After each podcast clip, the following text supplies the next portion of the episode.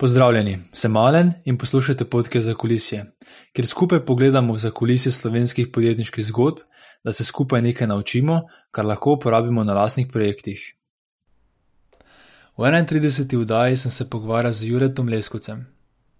Ko sem začenjal snemanjem podcasta za kulisje, je Jure bil prav na vrhu mojega seznama zaželenih gostov in zelo sem vesel, da nam je po letu in pol uspelo najti čas in udariti to debato. Tiste, ki Jureta še ne poznate, predvidevam, da vas je manjšina v tem primeru, ga bom na kratko tudi predstavil. Um, trenutno je Jure eh, profesor oziroma eden izmed najmlajših profesorjev na Stanfordu, en izmed najbolj prestižnih in znamenitih univerz na svetu, še posebej v poslovnem in podjetniškem svetu.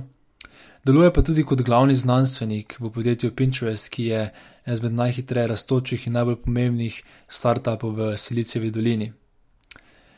Jure je tudi podjetnik, leta 2014 je ustanovil podjetje Kosei, ki ga pa v bistvu prevzelo ravno podjetje, pri katerem Jure danes dela, torej Pinterest. Jure je tudi velik strokovnjak na področju umetne inteligence, tako da smo dobršen del tega podcasta namenila prav tej temi. Pogovarjala smo se naprimer o službah, ki bodo obstajale v času umetne inteligence, ki se nahajamo v sami evoluciji umetne inteligence, kakšne so podjetniške ideje vezane na to in tako naprej. Jure je tudi razkril svoj način razmišljanja, torej zakaj in kako daje prednost težkim problemom in znanju kot nekakšnemu hitremu zaslužku. Pogovarjala pa smo se tudi o tem, kako je izgledal ta proces prevzema njegovega podjetja se strani Pinteresta. Ja, to je to, kar se tiče voda, sedaj pa želim prijetno poslušanje. Ok, Jure, um, kje se začne tvoja ljubezen do tehnologije? Um, ja, to se je začelo tam nek, nekje um, na, na sredini osnovne šole. Um, Ker sploh ne vem, po kakšnem naključju uh, sem postal navdušen nad računalniki in uh, potem so z očetom, jaz sem dal vse svoje prihranke takrat, neko karkoli je že bilo, da smo skupaj kupili računalnik. Um, potem sem pa nekako uh, v osnovni šoli uh, um, začel hoditi k učitelju um, tehnike takrat, da bi, da bi začel računalniški krožek, da bi se naučil programirati. Um, in tako so se nekako pol stvari začele. Uh, zelo hitro um, me je zanimalo, kako se naučiti programirati, kako začeti delati uh, zanimive, zanimive programe. Konc uh, osnovne šole sem napisal en program, ki je nekako uh, poznal uh, periodni sistem elementov in ti je omogočil iskanje po vseh elementih, in se mi je zdel neskončno kul. Cool. In uh, potem isto nekako čez ta osnovnošolska, srednješolska tekmovanja o znanju računalništva sem to znanje izpopolnil. Um, um, nekako na, na sredini srednje šole začel zahajati na, um, na laboratorij za umetno inteligenco na inštitutu Jožef Štefan. In um, od takrat, potem, bolj ali manj vsako poletje, v, srednji, v konc srednje šole, pa tudi pol na fakulteti, sem pač um, preživel v tujini na raznih poletnih praksah in na ta način nadgrajeval svoje znanje. Um, in kako rekel, z vsakim korakom je prišel naslednji večji korak, in kako rekel, s to investicijo časa, energije in, in navdušenja so se potem pač stvari uh, odvijale naprej, da sem potem v Ljubljani študiral uh, računalništvo. Um, že med študijem računalništva, kot sem rekel, sem vsako poletje, um, namesto da bi šel na morje, šel nekam v tujino ali na, na univerze, raziskovalne laboratorije, nekako na poletne prakse.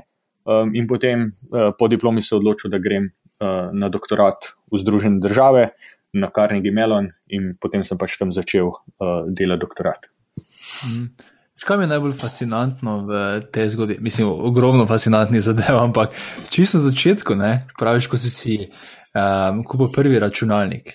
Jaz sem spomnil moje izkušnje, ko sem si jaz svoj prvi računalnik kupil in uh, mislim, da je bilo programiranje stvar, ki je bila vedno zadnja na seznamu stvari, ki sem z računalnikom želel početi. Ne. Na prvem mestu so bile, seveda, igranje igric. Kako si ti sploh prišel do tega, da si vedel, da je možno programirati, ker jaz sploh ni mi niti na pamet prišlo, in potem kako si sploh prišel do tega, da si se naučil? Ja, eh, kako bi rekel, veliko vpliv na me je imel. Eh, ta učitelj uh, tehnike in tehničnega pouka na osnovni šoli, ker smo se pač res začeli uh, učiti programirati od začetka. In spomnim se mojega prvega programa, ki sem mu rekel program nič. Ki ni nič delal in to je bil samo program v Pascalu, ki je imel program nič, begin pa end. In, in to je bilo to, s takimi koraki se je začel. Pa pa seveda, eh, kar je bilo zanimivo, so bila, so bila tekmovanja, pa potem, kako reko, raziskovalne naloge, ne, skozi katere pa potem um, prideš lahko do, do ljudi, se od njih učiš, se naučiš neke tematike in na ta način nekako nadgrajuješ um, svoje, svoje znanje. Se pravi, ta ljubezen se mi zdi, kako reko, do, do programiranja pa do. Eh, pa do tega se mi zdi, da me je potem uh, gnala naprej, pa seveda pripeljala do, do umetne inteligence, podatkovne analitike in tako naprej.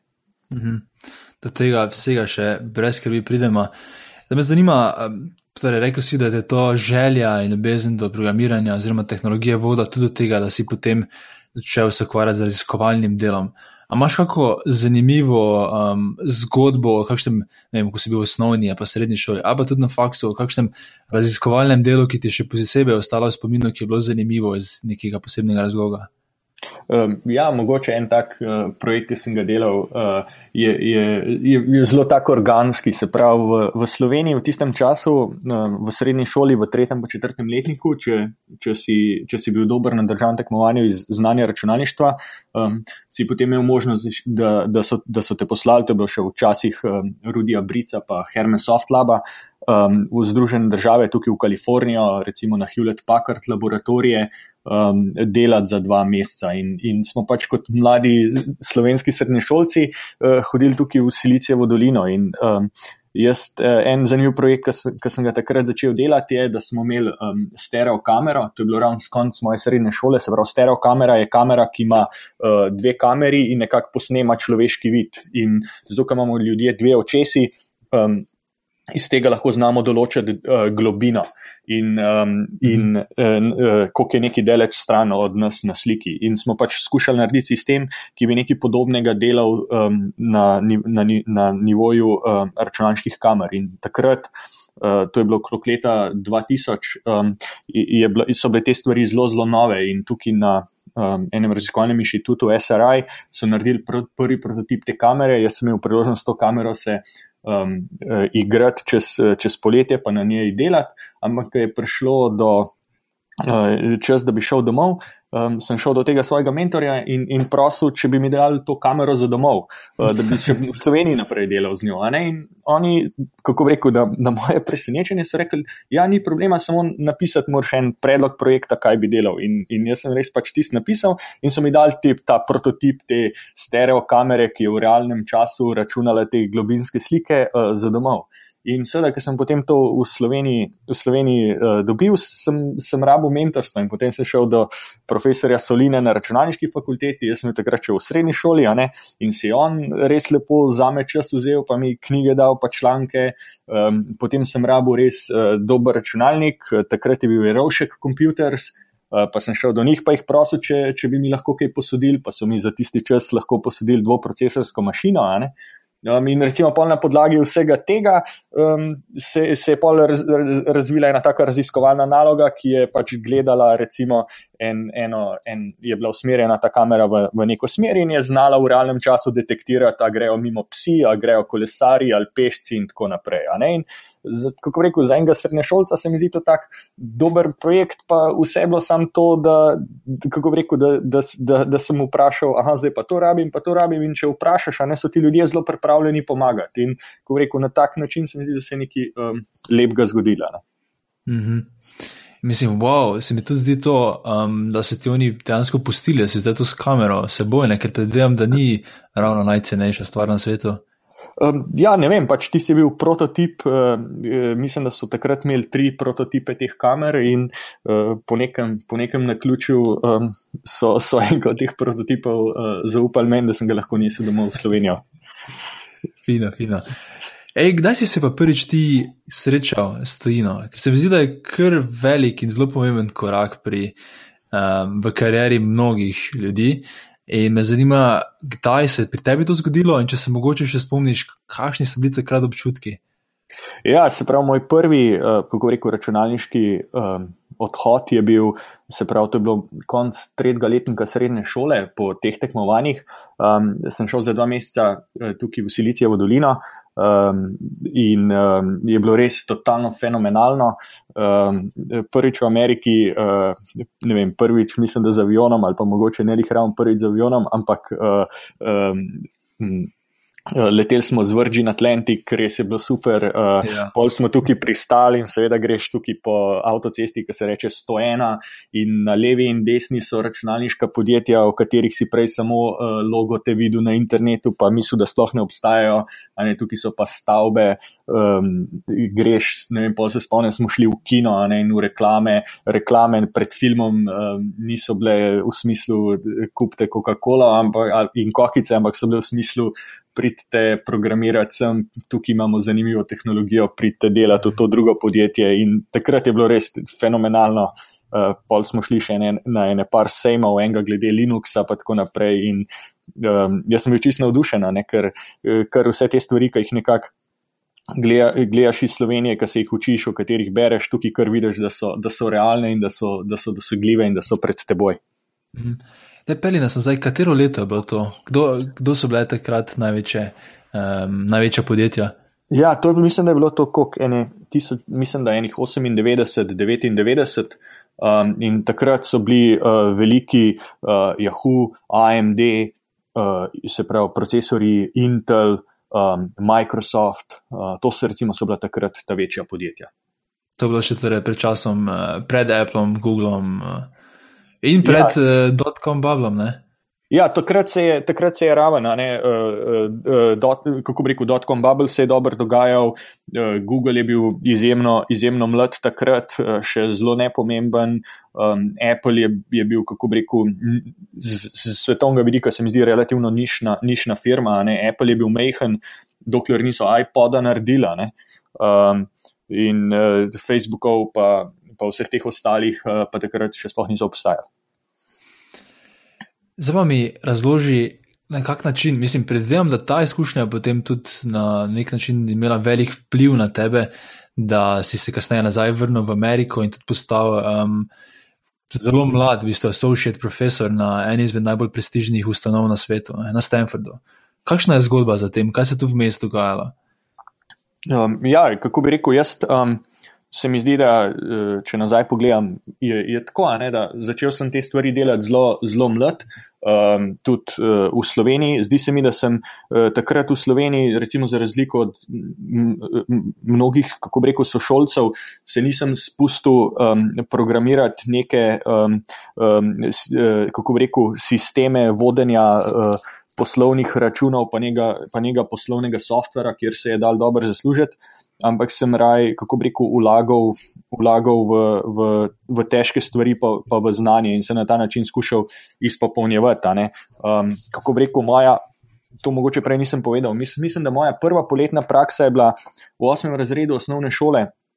Sem hodil programirati na, na Hermes Softlab um, In um, takrat se je ravno Java začela in so rekli: No, pa ti poglej, kaj je to Java, pa nam povej, kaj to je. In sem takrat, recimo, uh, lih sanje dal ven uh, ta prvi uh, uh, Java, tisti JDK. Um, sem recimo tisto začel gledati. Ne, to je bilo v osmem razredu, ampak recimo takrat um, um, sem se mogel voziti, mislim, da uro pa pol z avtobusom v eno smer, um, na koncu, ravno to, kar sem bil plačen, mislim, da je ni, ne vem, če je pokril stroške za avtobus, pa to, da sem jih še zakosil. Ampak je bila pa super izkušnja, pa sem se veliko naučil. In se mi zdi, da ena, ena stvar, ki je in kako so, je, da so se stvari, pa ta karijera, nekako, kako bi rekel, pa ta življenjska pot, ne, lepo nadgrajevale z, z velikenega truda, z neki vizije. Z neki poguma, tudi, ne, da se človek upa vprašati, pa da, da, da, da se, se upa iti korak naprej. In, in ni bilo nikjer nobenih, kako rekel, takih ali svetlobnih preskokov ali pa nekih uh, wow momentov, ampak se mi bolj zdi, da je, je pač nekako korak, korak za korakom. In, in s tem, da sem zgodaj, zgodaj začel, začel programirati, da, da, da sem um, dal vsa ta srednješolska algoritemska uh, tekmovanja skozi. Um, sem na koncu bil zelo dober, zelo dober programer, se pravi, sem znal stvari narediti, po drugi strani pa zaradi vsega, kar, kar sem se naučil na inštitutu Jožef Štefan, pa čez raziskova, te raziskovalne naloge, sem, sem pa tudi ne samo da znal programirati, ampak se tudi učil, kako bi definirati probleme, razmišljati uh, in jih na ta prav način uh, postavljati. In potem, recimo, um, uh, ko je konc, uh, dipl ko sem diplomiral na, na računalništvu v Ljubljani, je nekako bilo naravno, da bi se prijavil. Da bi nadaljeval z doktoratom, zdaj se mi je, da iti v Ameriko na doktorat je nekaj zelo naravnega, pa, pa da, bi, da bi hotel to narediti. Um, in, in, in potem sem se prijavil na, na dve univerzi, na Carnegie Mellon in Cornell. Um, mogoče tukaj ena zanimiva stvar je, ne, da uh, na Carnegie Mellonu sem bil pre, eno poletje prej, čez poletje, spet na eni taki raziskovalni praksi. Uh, Carnegie Mellon me je sprejel, medtem med ko recimo na Cornell pa nisem bil sprejet. Um, in na koncu, na koncu se je izkazalo, da razlog um, zakaj, zakaj nisem bil sprejet, je zato, ker so pač založili prijavo, ker so videli, da je to iz, iz neke Slovenije, iz neke Ljubljane, še, raz, še pre, kako rekel, še izgovoriti niso znala. Ne? In je pač ne, nekje se tam tisto, tisto uh, založilo, čeprav, kako rekel. Priporočilna pisma, imel sem raziskovalne članke, in, in tako naprej, in tako naprej, ampak ne, um, ni šlo. Ampak recimo na Carnegie Mellon je potem bilo super, um, glede na to, na vse izkušnje, ki sem jih imel, sem lahko zelo hiter začel zelo dobro uh, delati, pa raziskovati. Se pravi, sem, kako rekel, sem imel že kar dost kilometrine pa znanja. Tako da sem potem recimo uh, zdaj um, uh, takrat že tisto prvo leto ob, objavil kar uh, nekaj člankov, ki zdaj, um, a ne deset let po tistem, um, dobivajo nagrade uh, Test of Time Awards na, na, teh, na teh kongresih, kar pomeni, wow. da so to članki, ki so nekako recimo deset let bili najbolj, najbolj vplivni. In potem sem tudi, kako rekel, zelo hiter končal doktorat v štirih letih, kar je za Ameriko zelo hiter, ker, ker ponovadi te stvari trajajo.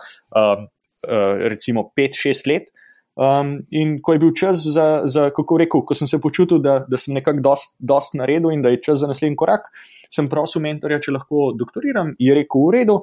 Um, in seveda, ko, enkrat, ko pa enkrat rečeš, da si, da si pripravljen za doktorirati, si, si moč pa naslednjo službo najdete. In sistem je tukaj tak, da se pač enostaven prijaviš, da pošleš svoj rezime, priporočilna pisma in, in vidiš, kje te bodo vzeli. Um, No, in um, jaz sem imel to srečo, da so me povabili na intervju na Stanford. Um, imel sem intervjuje tudi po drugih ameriških univerzah. Um, greš na intervjuje, uh, po intervjujih ti sporočijo, da dobiš ponudbo ali ne. Um, mislim, da jaz imel ponudbe enih petih univerz, um, potem greš na drugi obisk, kjer zdaj nekako se vloge zamenjajo, a ne prej ti plešeš za njih, potem oni plešajo mhm. za te. Mhm. Um, in seveda je bilo nekako naravno, naravno potem se odločiti, pa iti na Stanford, pa videti, kako je to. In to je bilo res nekaj najboljšega, in sem res vesel in hvaležen, da imam to priložnost biti tukaj, ki je um, res super.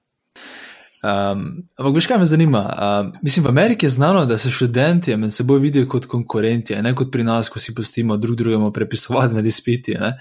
Zanima me, veš, kako ti je uspelo v tako zelo konkurenčnem okolju, če ga sploh nisi bil prej navaden? Ne vem, jaz mislim, da ne bi rekel, da je, da je spet tukaj neka res uh, uh, huda, kako rekel, konkurenca, pa neko komovčenje. Na koncu se mi zdi, da je, um, je um, sem imel um, super prijatelje, super kolege, um, skupaj smo si pri teh, recimo, prijavah na, na službe na univerze, smo si skupaj uh, pomagali, drug drugemu smo brali. Eh, te, kako bi rekel, raziskovalne. Um, Ker, ko se prijaviš, rabiš oddati dva dokumenta. En opisuje tvojo vizijo raziskav, drug pa uh, učiteljske uh, ambicije, uh, pa načrte. In tukaj smo si zelo, zelo veliko pomagali. Ker, kako bi rekel, na koncu mi zdi tako. Um, na, recimo na, na Stanford biti sprejet za, za profesorja, jaz mislim, da je to nekaj, kar se zdaj, ko vidimo od znotraj, kako to gre, se sploh se ne da tega planirati. Um, Skoraj skor to, to ni v tvojih rokah, kot v, v, v študentovih rokah. Zato, ker kriteriji so tako visoki, se meni zdi, da, da tam na koncu, ko se profesorski zbor odloča, komu se bo dal ponudbo, če nekdo takrat kihne je to že slab znak in rečejo, ne, ne bomo raj počakali, pa bomo komu drugemu dali. Da, um, to so to, kako rekel, stvari, ki so. Um, um, ki jih je težko planirati, pa težko reči, da jaz bi pa zdaj bil profesor na Stanfordu, zato rabim narediti to, pa to, pa to. Ne, uh, ne gre, ne. Uh, enostaven, enostaven se more nekako vesolje zložiti, da je neki tazga sploh, uh, sploh možnost. Tako da na koncu mi zdi, da si ljudje zelo, zelo pomagajo. Uh, pa tudi mi smo si zelo pomagali, da, da, da smo pač drug drugemu pomagali biti sprejet na univerze. Pa, pa si pomagaš, pa je pa na koncu, kako rekel, v odločitvi univerz, pa njihovega profesorskega zbora, pa njihovih trenutnih potreb, pa njihove, ne vem, lokalne dinamike, pa politike, pa česar koli že, da se odločijo, uh, koga hočejo. -hmm. Torej, tvoja naloga je, da se pripelješ do te situacije, da sploh si v tem izboru, potem pa dejansko do stvari tudi odvisno od nekaj ključje. Ne? Ne vem, recimo, ne, jaz zdaj, um, recimo, stvari, ki sem jih jaz delal, jaz sem bil zelo presenečen, da so me na, Stanf na Stanfordu vzeli, ker so bile te stvari nekako zelo nove. Um, ta analiza omrežij, pa podatkovna analitika, to je bilo v tistem času nekaj zelo novega. Um, ni, univerze niso imele ljudi, ljudi s, te, s temi znanji. Um, Za univerzo oziroma za fakultete je tudi načeloma težko najeti se prepriča, da bojo investirali v neko področje, kjer že nimajo ekspertize, ker je zelo težko potem za njih oceniti kvaliteto tega človeka, ki ga najemajo. Um, ampak se nekako, kako bi rekel. Na srečo, ne so pač na, na Stanfordu profesori imeli, imeli ta pogled, da so to področja, ki so pomembna, ki bodo sam, sam še rasla v, v, v mhm. pomembnosti in, in v vplivu. In um, in, in se je nekako eh, to, to zgodilo. Jaz tudi, recimo, ko sem se prijavljal, nisem poznal nikogar na, na Stanfordu, jaz mislim tudi na Stanfordu, mi ni noben resno poznal. Uh, tako da je bilo to vse, kako rekel, posledica intervjuja mojega dela, pa mojih raziskav. Mhm. Še kaj je bilo fuz zanimivo? Par minut nazaj si omenil eno zadevo, um, kjer mislim, da bi lahko še malo časa, kateri bi lahko še malo časa posvetila, in to je sicer ta odločitev, oziroma način, na katerega se odločaš, da si vedno dajo prednost znanju pred zaslužkom. Lahko še malo več o tem poveš? Ne vem, mogoče imaš kak primer tega, kjer si se lahko spet na tak način odločiti, in če je to mogoče nekaj, kar bi tudi ostalim predlagal, da, da delajo.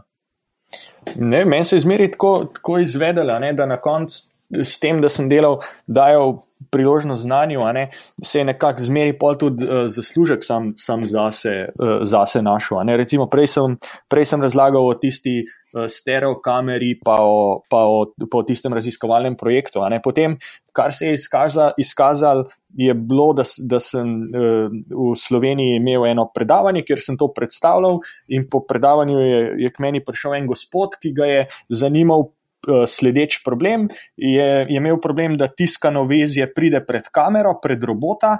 Um, tis, vsako tiskano vezje je malo drugače. Um, Pozicionirano in potem, kako bi rekel, kamera uh, slika tiskano vezje, in vprašanje je, kako zdaj to tiskano vezje zarotirati, pa zamakniti, zato da se bodo uh, luknjice za čip ravno lepo, um, kako bi rekel, postavile, zato da potem lahko robotska roka z vrha dol pritisne čip na, na um, na to tiskano vezje. Recimo, to je bil problem, s katerim je ta gospod prišel do mene.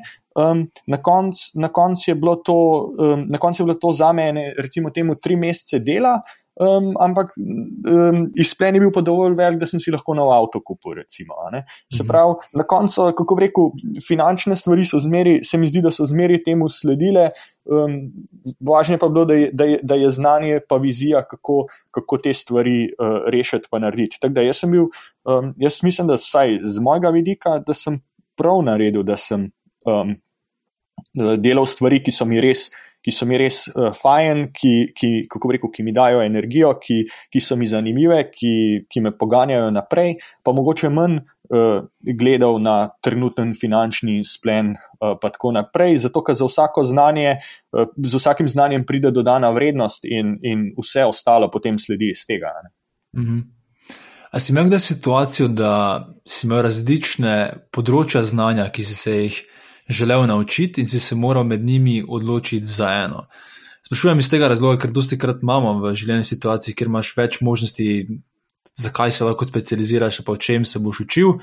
Um, in zna biti odločitev dokaj težke. Kako se ti spopadaš z tem? Mislim, jaz nimam kakšnih, kako bi rekel, skoraj mogoče uh, posebnih uh, receptov. Jaz pač delam tisto, kar, kako bi rekel, kar delam, kar, kar, kar mi je kul, cool, kar mi je res, um, ne vem, fajn, kar se mi zdi pomembno. In vsak se mi zdi, da vsak človek ima um, en, um, en, en, kako bi rekel, kot en okus. Da si iz, izbira probleme, in se mi zdi, da človek bolj, bolj ko sebe pozna, pa bolj ko sebe razume, bolj ve, kakšen je njegov okus, pa kje so tudi njegove, njegove recimo temu. Um, um, Prednosti pa, ali, pa, ali pa slabosti. Na mhm. podlagi vsega tega se mi zdi, da se je, da se je pomembno odločiti v smislu, aha, kakšne, so, kakšne so moje znanja, kaj je znam, um, kje mi mogoče še kaj manjka, da grem tja, kamor hočem prideti, uh, kako, kako ta moja znanja kotirajo v primerjavi z znani uh, drugih. A, ne, a sem jaz zdaj najboljša oseba, da se tega lotim, ali bi se kdo drug lahko tega bolj šlotil.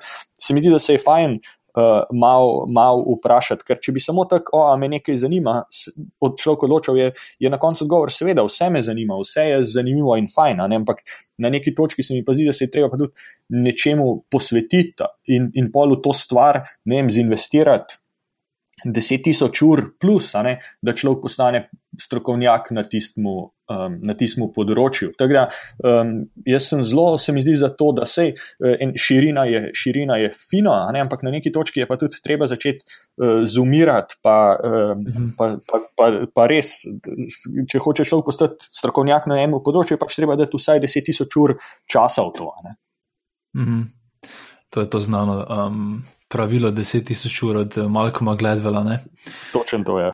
Ja, um, ampak sploh se strinjam s tem. Mislim, jaz tudi, um, ko sem postil službo in sem se odločil za naslednji projekt, um, se sem točno to vprašanje spraševal. Ne? Torej, ne samo kaj me zanima, ampak kjer sem mogoče jaz v unikatni poziciji, da dam neko vrednost, um, ko mogoče drugim dosti teže priti do te situacije, v kateri sem jaz. Um, in tu ima tudi Kevin Kelly. Um, eno zelo zanimivo pravilo. Torej, Kevin Kelly, za tiste, ki ga ne poznajo, mogoče je en glavni urednik na zelo znani um, reviji Wired.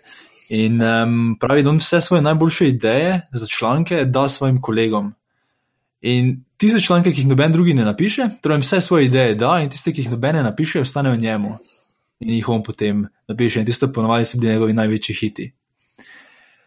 Um, Tako, uh, zdaj pa še, da ti še postavim na vprašanje.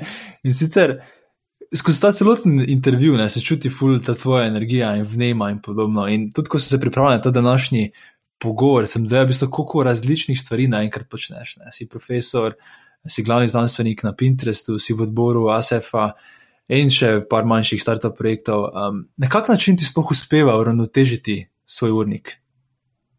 Uh, ne vem, uh, s tem, da veliko spim, se mi zdi. To, uh, to mislim, da je, uh, kako rekel, skrivnost. Je, um, res, veliko velik spim, spim po 9 ur na dan, se mi zdi, da me to pol tok spočije, da, da res lahko tisti čas, ki ga imam, pol efektivno, efektivno uporabim. Um, druga stvar, mogoče, ki se mi zdi, ker zmeri bolj opažam, da, da je zelo lahko, kako rekel, zelo lahko je biti busy. Se pravi, zelo lahko je biti zaposlen, pa zelo lahko je veliko delati. Um, se mi pa skoraj zdi, da pa, kar je veliko teže vprašanje, je pa, uh, kaj delati. Um, in se mi zdi, da skoraj se vem, ljudje, um, tudi, recimo, ne vem kako rekel, tudi v, v, v podjetjih, um, um, veliko premalo sprašujejo, recimo, ali pa ne vem, inženirji, ne, kaj delati.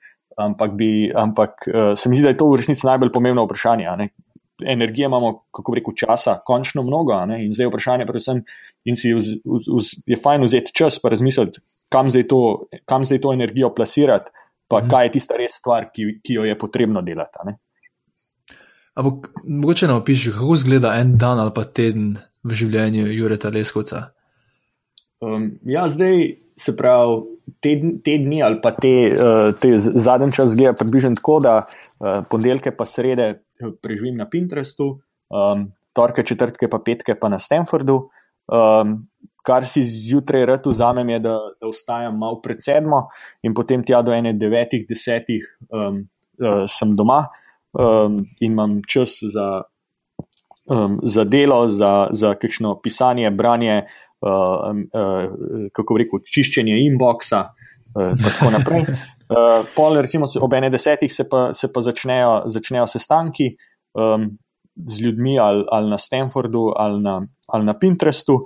Um, ponovadi imam na, kar na basen urnik, kar pomeni, da imam sestanke na pol ure, um, kar pomeni, um, kako reko, brez premora, kar pomeni, da je zelo veliko enega kontekst switchinga, pa da si je treba zelo veliko zapomniti, kaj kdo, kaj kdo dela, kaj je problem, kje smo bili prejšnji teden, kje smo zdaj, kaj bomo zdaj mogli narediti za naslednji za nasleden teden. Um, tega se mi zdi, da je, da je, um, da je velik. Uh, tukaj se mi zdi pomembno, recimo, je, da, da si človek dela zelo dobre zapiske.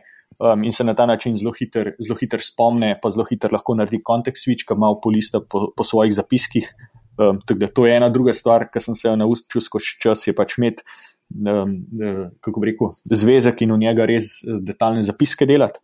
Um, in potem, ne, um, to recimo so te sestanki, trajajo tja, tja enkrat do, do, petih, do petih popovdne, šestih. Um, pa pa, pa, pa ponovadi pač pridem domov, pa je pa čas ali um, za kakšen šport ali za kakšno sprostitev, uh, kaj tasga. Um, vikend, z vikendi je pa ponovadi tako, da recimo en dan ali pa pol dneva uh, delam, uh, preostalo je pa spet uh, čas za, za prijatelje, druženje, uh, velik športa, gibanja, uh, take stvari. En na kak način pa uspeš uravnotežiti sestanke z samim delom? Veš, kako uspeš preklopiti iz tega, da govoriš, oziroma da se z, da diskutiraš o idejah, ne, do tega, da potem priješ do tega deep worka oziroma globokega dela.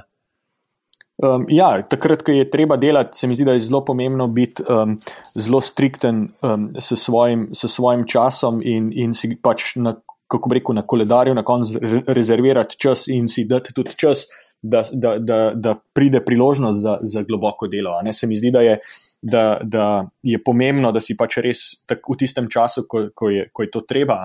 Človek vzame uh, velike kose časa in si jih rezervira in reče, zdaj se bom jaz. Po, um, uh, tega lotu, a ne ponovadi, ker se je treba usesti, pa biti kar, trma sam s sabo, da, da, pride, da pride ta pravi trenutek, da pride navdih ali pa inspiracija, ki se pol to delo, to delo zgodi. Ampak če si človek ne da časa, da mu raven prav dolg čas rata, da tako rečem, da, za, da začne, da, da nekako pride ta inspiracija, pol se to globoko delo sploh ne, ne zgodi. Tako da, recimo, kakšne dneve si, si res ali zablokiram cel dan ali pa pol, pol dneva kjer ugasnem, ugasnem e-mail in, in res skušam se tisti stvari posvetiti. In tudi se mi zdi, mhm. da.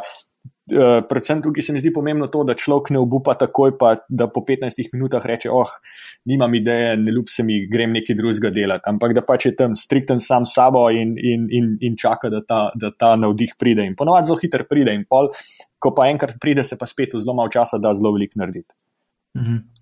Omenjajo se tudi zapiske. Um, Obstaja kak poseben način, kako jih delaš, da potem se čim hitreje spomniš, kaj je bilo zadnjič rečeno?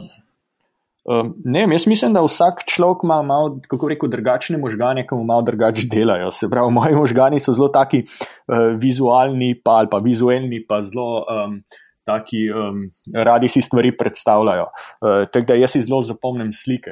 Recimo, če stvari tipkam na računalnik, um, kar so na tipkano besedilo, mi je tako zelo, vse je enako. Medtem ko -hmm. moja pisava je pa tako grda, da je vsaka črka drugačna in to bolj pomeni, ne, da, uh, da si nekako te, te krace zapomnim in, in, in, in, in tako nekako uh, razmišljam. Probam tudi vem, uporabljati saj ene, dve, tri barve.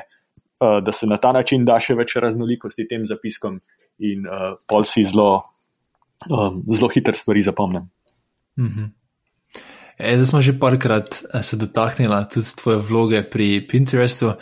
Ampak mogoče čist preden gremo takoj uh, v tvoje vloge in kaj točno počneš tam, uh, se mogoče dotaknemo še nečesa, kar je bil predkorak, ne, preden si prišel k Pinterestu. In sicer um, tvoj startup. Ne? Torej, leta 2014 si ustanovil, zdaj ne vem točno, kako se izgovori, Kosej, je to pravilno ja. izgovor? Ja, ja. Kakšna je zgodba za začetkom tega podjetja? Um, ja, se pravi, jaz bi mogoče spet um, začel še pred tem. Okay. Um, kot kot uh, raziskovalec na Stanfordu, ne, kot profesor, imam svojo raziskovalno skupino, to je 21 ljudi. In um, ko delamo raziskave, to so predvsem doktorski študenti, podoktorski študenti in tako naprej, se mi zdi zelo pomembno ne, vprašati uh, par vprašanj. Prvo vprašanje je, kako rekel, tudi ko delamo raziskave, je zelo pomembno, da, da, da imamo za vsako raziskavo, kako rekel en, eno, eno stranko, enega, ne vem, če rečem, kupca, mogoče ni dobra beseda, ampak pač eno stranko, se pravi, nekoga, ki bo bil navdušen ali pa vesel, da smo naredili, da smo naredili to raziskavo. Da tako mhm. rečem. In zdaj ta stranka je lahko. En, en znanstvenik, lahko je to en, en farmaceut, en biolog, lahko je to en, en sociolog, lahko, lahko je pa tudi, kako rekel, družba, pa preostanek sveta. In zaradi tega se zelo veliko, recimo, preden se odločamo, kje raziskave bomo delali, zelo veliko časa eh, porabimo za to, da se pogovarjamo ali s podjetji, ali z neprofitnimi organizacijami, ali recimo z javno administracijo, vlado, zdravstvom, izobraževalnimi ustanovami eh, in jih sprašujemo, kaj so zdaj njihovi veliki, težki problemi, kaj so mhm. problemi, ki so nekako kako bi rekel, preveliki, preveč nebulozni, eh, preveč nekako zaviti v en dim, da, bi bili, da so sploh, kako bi rekel, dovolj dobro definirani, da bi jih tista organizacija sama zase se odločila in jih skušala rešiti. In, um, Na ta način, recimo, eh, pridemo do, do, do problemov, eh, ki so nekako, eh, kako rekel, malo znanstvena fantastika za, za tiste, recimo, podjetja ali pa za tiste organizacije. Ne? In tukaj je zdaj za nas, kot za univerzo, kot za raziskovalno skupino, pa za raziskovalno inštitucijo, priložnost, da pač res pridemo tisto problem, tisto, tist, tist, kar je neki zavito v dima, ne, skušamo nekako res dobro zdefinirati, razumeti, um, razsekati na kose in videti, kaj zdaj ti je in kako se ti zgalotati in kako res uh, problem zdefinirati. In seveda, če to naredimo, potem tisto, tisto drugo, drugo stran um, in s tem pomagamo. In to se mi zdi zelo pomembno, kot prej sem rekel, ne, da je pomembno, da se človek. Porabiti čas, da se človek odloči, kaj bo sploh delal. In recimo na področju raziskav, to je en tak postopek, ki ga mi interno naredimo, da rečemo, da tole bomo raziskovali, na mestu nekaj drugega. Nekaj drugače se zelo velikokrat zgodi. Da, kako rekel, imaš pred sabo dva problema, oba ti izgledata res kul, cool, pa res fajn, ampak ko pa greš zdaj, recimo, do te, ne vem, stranke, pa rečeš, da bi vi rajš videli, da to rešim ali da to rešim, ti pa zelo hitro rečejo, ne, ne, ta, ta, ta prvi problem je, je, je, je, kako rekel, je izmišljen, ni realističen, nas ne briga, če to rešite, ampak če pa tega ta drugega rešite, bo pa nam res veliko pomagalo. Mhm. In, in recimo na ta način, moja raziskovalna skupina na Stanfordu zelo veliko delamo, delamo z industrijo, v smislu, da imamo dostop do teh problemov, ki so mogoče kako bi rekel, preveč, eh, preveč riskantni, da, da se ga podjetje samo loti. Ker tudi, recimo, kot raziskovalna, recimo, temu skupina v, v enem podjetju, mogoče imaš časa. Tri do šest mesecev, eh, da nekaj narediš. Ne? In po tistem času te pa že začnejo nadrejeni sprašvati, kaj se dogaja, kaj delate, kdaj bojo rezultati, kje so rezultati. Recimo na univerzi mi lahko eno leto nekaj delamo, pa pa nas, bo, eh, pa nas nihče ne vpraša, ali pa še več, ne, kaj delamo. Pol, mi imamo to fleksibilnost, ali pa univerze imajo to fleksibilnost, ne, da spremenimo problem, ki ga rešujemo. Ne. V podjetju mhm. zelo težko spremeniš problem, ki ga rešuješ, ker je recimo, relativno jasno, kaj, kaj hočemo iz tega ven. Na univerzi si lahko spremeniš problem, ki ga rešuješ, in je to, to čist fajn. Se pravi, univerza ti da več svobode pri reševanju teh velikih problemov. To, da spremeniš svoj problem, misliš, da ugotovite, da je nekaj drugega problem in potem tisto rešujete? Recimo, ja, hmm. ne, začneš nekaj gledati in pol v resnici ugotoviš, da tisto, kar si začel na začetku gledati, sploh ni. Za res problem, da za res problem je čist nekaj drugega. Ne? In, in, in ti, spet noben ne bo prišel nazaj in rekel: ne, ne, to pa ni to. Ampak, recimo, se pravi, ta svoboda se mi zdi zelo pomembna in iz, iz te svobode smo, smo zelo velik, uh, tudi, kako rekel, uh, resnega impakta imeli na, recimo, na industrijo v Silicon Valley. Ena izmed prvih stvari, ki sem jo delal, recimo, to je bilo leta 2009, je, je bil, um, se pravi, Friend Recommendation Engine za, za Facebook, ne People You May Know, se pravi, tisti, ki priporoča prijatelje. In recimo, uh mhm. -huh. kar mogoče se danes sliši to neverjetno, ne? v tistem času Facebooku ni bilo jasno, a zdaj raje uporabi, recimo. Machine learning sistem, ki bo priporočal ljudem, ko, uh, kdo so njihovi prijatelji. Ker smo mi pač, recimo, si vzeli nekaj časa, naredili rešitev, potem se je ta rešitev um, zimplementirala uh, na Facebooku, je, se je število sledil, sledilcev povečalo za 2,3 krat, kar je ogromno. Mhm. In, in pol je recimo to šlo naprej. In, in skozi take projekte smo, smo razvili kar veliko, recimo, temu ene tehnologije, um, ki, ki, ki nam je pa omogočila, da smo, da smo leta potem, recimo 2014, um, še z, z dvema uh, kolegoma uh, ustanovili to podjetje Kosej, kjer je bila ideja o tem, um, da bomo gradili sisteme za, za priporočanje, uh, za modeliranje, kako rekel, potreb uporabnikom in potem jim priporočati uh, izdelke. Um, ideja je bila predvsem v tem, da bi se avtomatsko naučili, kateri izdelki so, so temu, lahko ne vem, po slovensko bi rekli, komplementarni, oziroma mhm. kateri um, izdelki so zamenljivi. Se pravi, zamenljivi bi pomenili, da um, dva različna svinčnika sta zamenljiva. Ker oba sta, sta orodje za pisanje, medtem ko svinčnik pa papir sta pa komplementarna. -hmm. ne, zato, ker enkrat, ko imaš svinčnik, rabiš tudi papir. In, um, no, na podlagi tega smo začeli začel to, to delati. Uh, tukaj v Palo Alto smo ustanovili podjetje, pridobili en zagonski kapital. Um, Kako rekel, raziskave, ki jih delamo na Stanfordu, um, vedno dajemo v, v public domain, se pravi, uh, ko dodamo v open source in vse rezultate objavimo, tako da načeloma um, na ta način zelo veliko te tehnologije postane uh, javna last. In seveda del te tehnologije smo čez ta open source potem tudi um, pripeljali noter uh, v to naše, uh, naše podjetje, ki je recimo tisto leto, ko smo delali, na koncu nas je bilo, mislim, da skoraj 15 um, um, inženirjev um, um, uh, produktnih ljudi, ki smo pač to stvar um, začeli uh, začel delati. Ali imaš mogoče kak primer implementacije tega produkta? Um, mislim, imamo, imamo, imamo primer implementacije, ne, zato ker je um, open source koda tiste, kako rekel, raziskovalnega, raziskovalnega dela, ki smo ga na Stanfordu uh, opravili, pa, pa, pa raziskovalen članek, ki opisuje, kako rekel, to tehnologijo. Je, um, je, je open source. Ne? Seveda, ko ti enkrat vzameš te raziskovalne stvari, pa jih pripeleš noter v podjetje, je pa še ogromno enega dodatnega dela, pa ene dodatne, kako rekel, inovativnosti, pa, pa inženiringa, ki ga je treba storiti, da te stvari um, začno, začno res delati. Ne, ampak tak smisel, veš, čist uh, primer, samo da si poslušalci, pa tudi jaz eh, bolj predstavljamo. Ne vem, a to pomeni, da je to nek algoritem, ki lahko iz slik, ki jih jaz vem, na Facebooku in Instagramu objavljam, ugotovijo, kaj so produkti, ki bi lahko bili meni zanimivi, ali sem zgrešil. Ne, recimo, recimo to, je, to, je dober, to je dober primer. Se pravi, naš, naš prvi, naš, naša prva stranka je bil Walmart, se pravi, največje trgovsko podjetje na svetu, um, kjer je bila ideja, kako ljudem priporočati ta prave izdelke ob pravem času um, in, kako, um, in kako na podlagi recimo, opisa produkta, slik in pa tudi ob, obnašanja recimo, njihovih strank uh, skušati to vse skupaj modelirati. Mm -hmm. E, kako pa to poteka v Ameriki, kar se tiče tega, da kot profesor ustanoviš neko podjetje iz nekega um, researcha oziroma raziskave, ki se dela znotraj univerze? Ko moj občutek da je, da to v Sloveniji še vedno ni nekako najbolj um, v praksi. Pa me popravi, če se motim.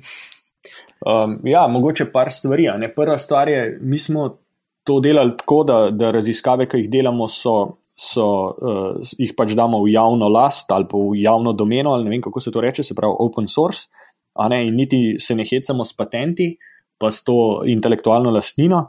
Um, To je, ki vzame eno, ki ni, kako bi rekel, sploh ni, ni, ni, ni nekako uh, preveč, preveč te ustavi, če greš po tej poti, ki preveč časa vzame in je preveč ene birokracije, ampak se enostavno um, dajo stvari v, v open source. Um, hkrati se, se potem, recimo, za, za, za, začnejo, uh, se naredijo podjetja. Um, recimo, Stanford ima um, striktna, striktna pravila glede tega, koliko časa lahko profesori porabimo na, v teh, uh, časa lahko porabimo v teh podjetjih. Um, načeloma je pravilo, da lahko vsak teden, en, en dan na teden, um, nekje recimo konzultamo, da tako rečem, in potem se Mhm. ponovadi ta podjetja začnejo na ta način, da, da, da profesor tam porabi en dan na teden. Um, Kukar pa pol profesor hoče več časa porabiti, uh, mora iti pa na neplačen dopust, in ta Mhm. neplačen dopust pa lahko traja do dve leti.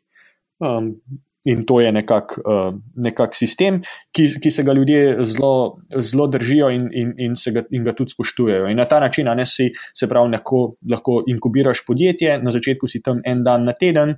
Ko stvar zraste, postane dovolj velika, dovolj pomembna, se pa pač preselaš, greš na neplačen dopust za dve leti ven z, z univerze in imaš res čas, da se ti smo posvetiš, in potem um, se vrneš nazaj na univerzo, uh, full time in spet uh, začneš na novo.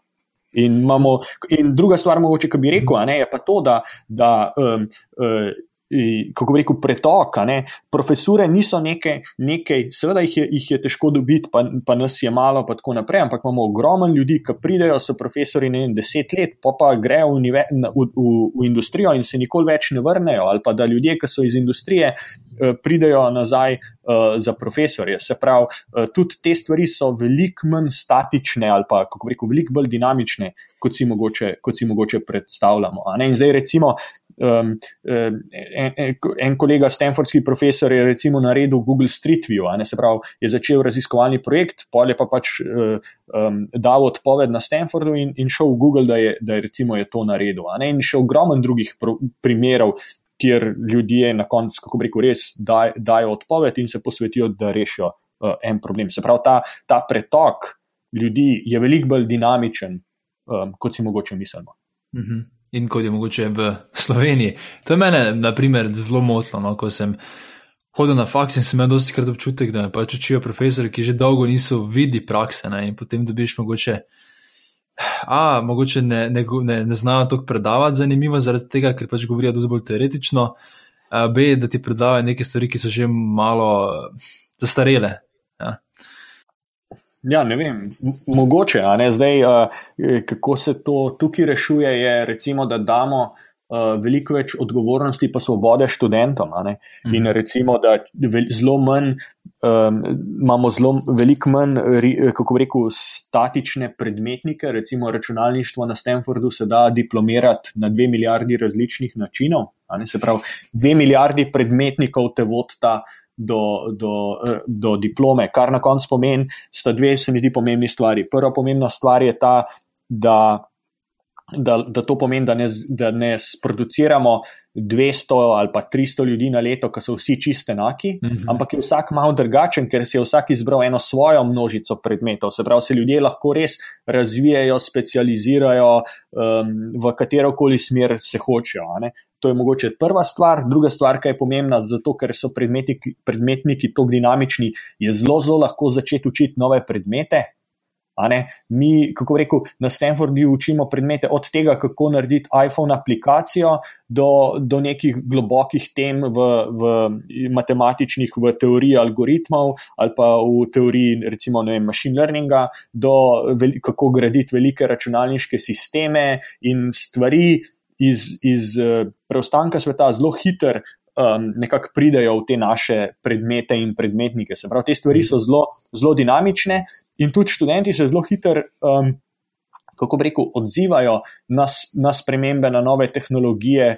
In, um, in seveda, če kakšni predmeti postanejo uh, zastareli um, ali pa niso mogoče uh, dobro podajani, jih pač študenti ne izbirajo več. Ne? In potem uh, tisti predmet lahko še zmeraj obstaja, profesor lahko še zmeraj obstaja, ampak nekako sami sebi pa ne morejo predavati. In pol to tudi cilj profesorja, da se, da se bolj, kako bi rekel, eh, bolj prilagajajo eh, času in, in vsemu. Se pravi, samo malo bolj, kako rekel, tak dinamičen sistem, kjer, kjer, kjer so stvari malo bolj odprto postavljene in potem sistem sam sebe čisti.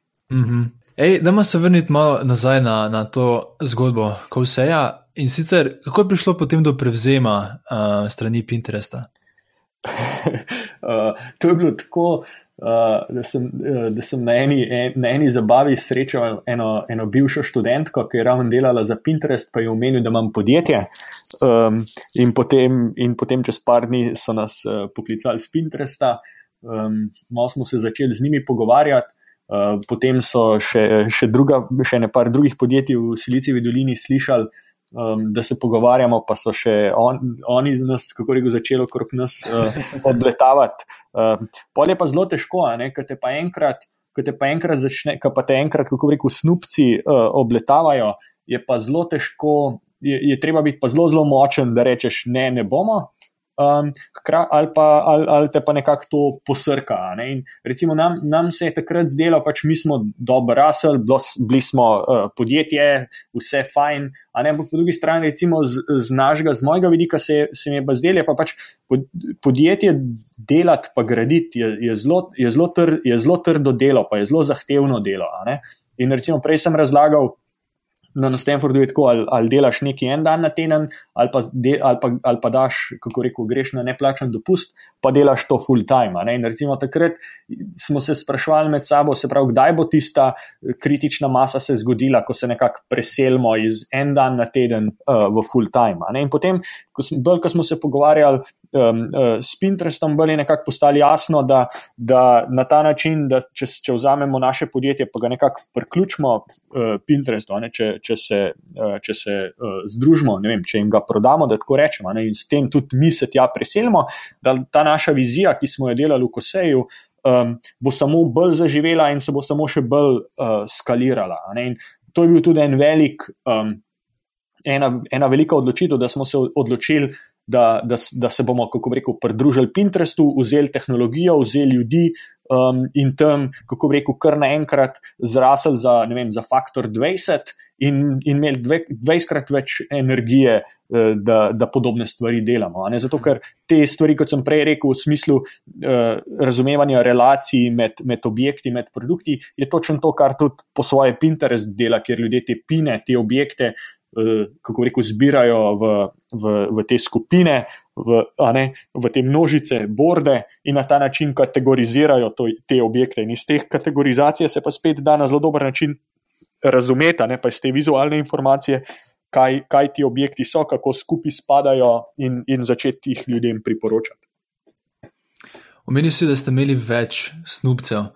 Kaj je bil glavni razlog, da ste se odločili za Pinterest? Um, kako bi rekel, glavni razlog je bil to, da se mi zdi, da se je vizija um, naša in njihova zelo dobro sklapala. Pa po drugi strani se nam je zdelo, da, da je fajn, da gremo v eno, v eno mehko podjetje, pa res nekaj naredimo, pa pustimo en pečat. Ker lahko bi se pač uh, isto nekako šli, pa ne vem, temu, da bi temu tako rekel, prodali enemu, enemu od velikih. Um, in, in tam bi bilo pa pol, se mi zdi, tam v, v velikih podjetjih je pa tako, da so pa stvari veliko bolj statične, veliko bolj počasne, uh, veliko bolj saturirane. Medtem ko Pinterest je bil pa še zmeri, pa še zmeri je, ne? relativno mehen, hitro rastoč startup, kjer, um, lahko, ki mu lahko veliko več daš. In na koncu je bil to, se mi zdi, da glavni razlog, da smo se odločili. Um, da bomo pač to naredili, in, in po eni strani tudi malo več uh, riskirali, uh, po drugi strani pa se pač tudi uh, bolj zabavali. Ali je to spet en primer, kjer um, si se ti in ekipa odločili raje za znanje in za izkušnje kot za denar? Torej, vam je kdo drug ponudil več in ste se raje odločili za Pinterest iz teh razlogov?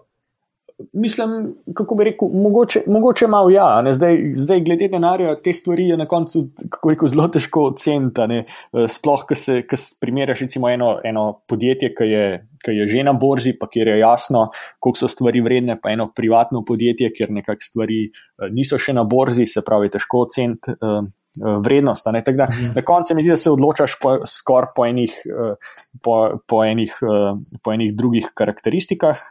In ja, mi smo se, kako rekel, odločili za to, da gremo pač v eno mehko podjetje in lahko tam potem. Um, Veliko večji, večji pečat uh, pustimo in res lahko, um, kako rekel, spremenimo smer tistega podjetja, ker v, v velikem podjetju bi to zelo težko naredili. Uh mhm. -huh. In del podjetja si zdaj tudi ti, ne? in tvoj naslov je Chief Scientist, oziroma glavni znanstvenik. Kaj to, kaj to sploh pomeni? Aha, ja, se pravi, um, uh, ja, moj, eh, moj, eh, kako rekel, titel uh, je Chief Scientist. Um, um, interno to pomeni, da sem, da sem vodja nekaj, čemu rečemo Pinterest Labs. Uh, kjer je skupina ljudi, um, jaz, bi, jaz jih vidim kot neke vrste ninja, ki potem uh, gredo um, v, v podjetju, v produktne skupine in skupaj s produktnimi skupinami uh, rešujejo, rešujejo težke probleme. Um, in nekako skupaj z njimi, skupaj z inženirji, potem razvijamo rešitve, ki tistmu, tistmu delu. Pinterestovega podjetja ali pa organizacije pač pomagajo um, narediti naslednji korak. Um, in tukaj, kako rekel, veliko delamo na, na področju, na področju uh, pač umetne inteligence, machine learninga, uh, z, z, uh, predvsem recimo na, na dveh, treh področjih, na, na področju um, monetizacije, se pravi oglaševanja, uh, uh, marketplacea, pa tako naprej, pa pa na drugi strani. Pa zelo velik na področju modeliranja uporabnikov, pa priporočil, pa potem na tretji strani, pa tudi v smislu nekakšnega ker imamo ta naš kontent eh, ekosistem, se pravi ekosistem naših vsebin, kako zdaj skrbeti za zdravje tega ekosistema, kako skrbeti, da bodo nove vsebine prihajale na Pinterest, da bojo nove vsebine, ki, za katere, kako rekel, imamo mal, mal signala. Uh, o tem, so dobre ali niso, uh, da jih bomo nekako efektivno raziskali, pokazali uporabnikom, zbrali signal in se s tem hitro učili, in nekako bo ta naš ekosistem teh pinov, teh vsebin, ki jih imamo, um, uh, vedno boljši. Prej si omenil, da je ena prednost raziskovalnega dela na univerzi tudi, da imaš večjo svobodo, pa več časa, da um, razvijaš, da tudi včasih tudi spremeniš sam problem. Ne? Če bi primerjal to z delom na Pinterestu, ne? Kakšen je časovni pritisk tam? Ali si se tudi zboril za to daljše časovno obdobje ali je čez drugi tempo? Um, jaz mislim, da je, da je malo mal je razlika. Ne? Recimo na, na Pinterestu, kako rekel, se mi zdi, da smo um, Jaz nisem tam, da bi zdaj delal akademske raziskave, jaz lahko to delam ali pa delam ne, na Stanfordu. Recimo, jaz sem tam, da zdaj s temi um, akademskimi um, raziskavami in izkušnjami ne, pridem do recimo takih manj riskantnih, bolj pragmatičnih pristopov, um, da, rešimo, da rešimo en problem. Um, pomembno se mi zdi tudi to, da um, kot recimo na enem takem. Uh, uh, podjetju, kot je, kot je Pinterest, ne, s par sto milijoni uporabnikov, pa tako naprej, ne, uh, je, je, je scale, se pravi, je velikost problemov zelo, zelo drugačna kot tega, kar vidiš na univerzi. Se pravi, na univerzi mogoče vidiš probleme, ki so manjši, pa, pa nekako lahko greš, greš bolj globok, medtem ko recimo na, v podjetju vidiš pa, pa probleme, ki so pa veliko, veliko večji in, in pol jih moraš nekako na drugačen, na drugačen način zagrabiti, zato ker so uh, trade-offi, karakteristike teh problemov zelo, zelo drugačne. In potem nekaj, kar recimo na univerzi. Ki delaš vem, na, na enem problemu, na enem datasetu, um, uh, so stvari bolj, kako rekel, stilizirane, pa, pa nekako bolj čiste, če hočete. Medtem ko na, um, uh, v podjetju imaš pa ogromno enih drugih konstraintov, velikost je drugačna um, in kar ene druge karakteristike, ene druge, druge karakteristike problema pridejo v, v ospredje in je to. Kako rekel, čist neki drugega in čist neki novega, in je spet uh, v resnici uh, res, res zanimiv.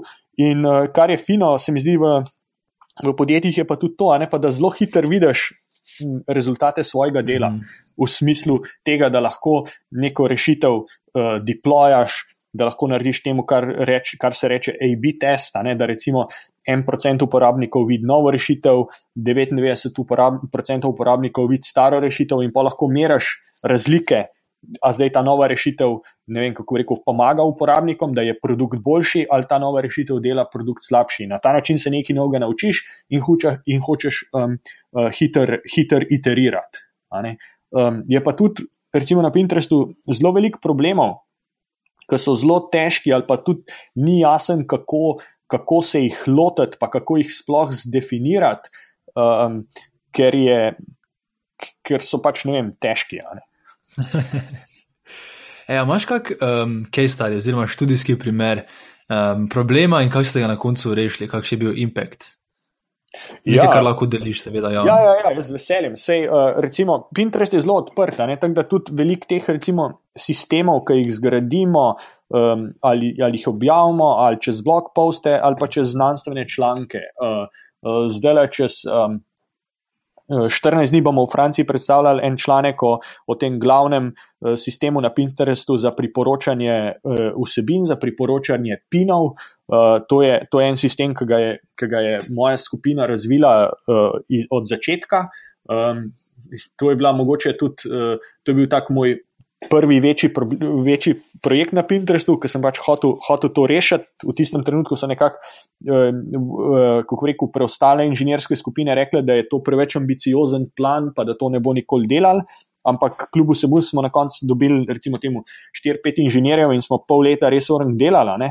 Um, in kar se je na koncu izkazalo, da, da, da, da je bil ta sistem, recimo, 30% boljši od prejšnjega sistema, se pravi, Pini ali pa tiste rekomendacije, ki smo jih naredili, so bili 30% bolj verjetni, da, bo, da, da jih bo uporabnik kliknil, da se bo z njimi. Nekako, da bo šel v njihovo interakcijo, se pravi, 30% bolj uh, relevantni. In uh, to, je, to je 30% je tako uh, uh, znanstvena fantastika. Ponovadi si vesel, če si nekaj izboljšal za procent, dva, tri, pet.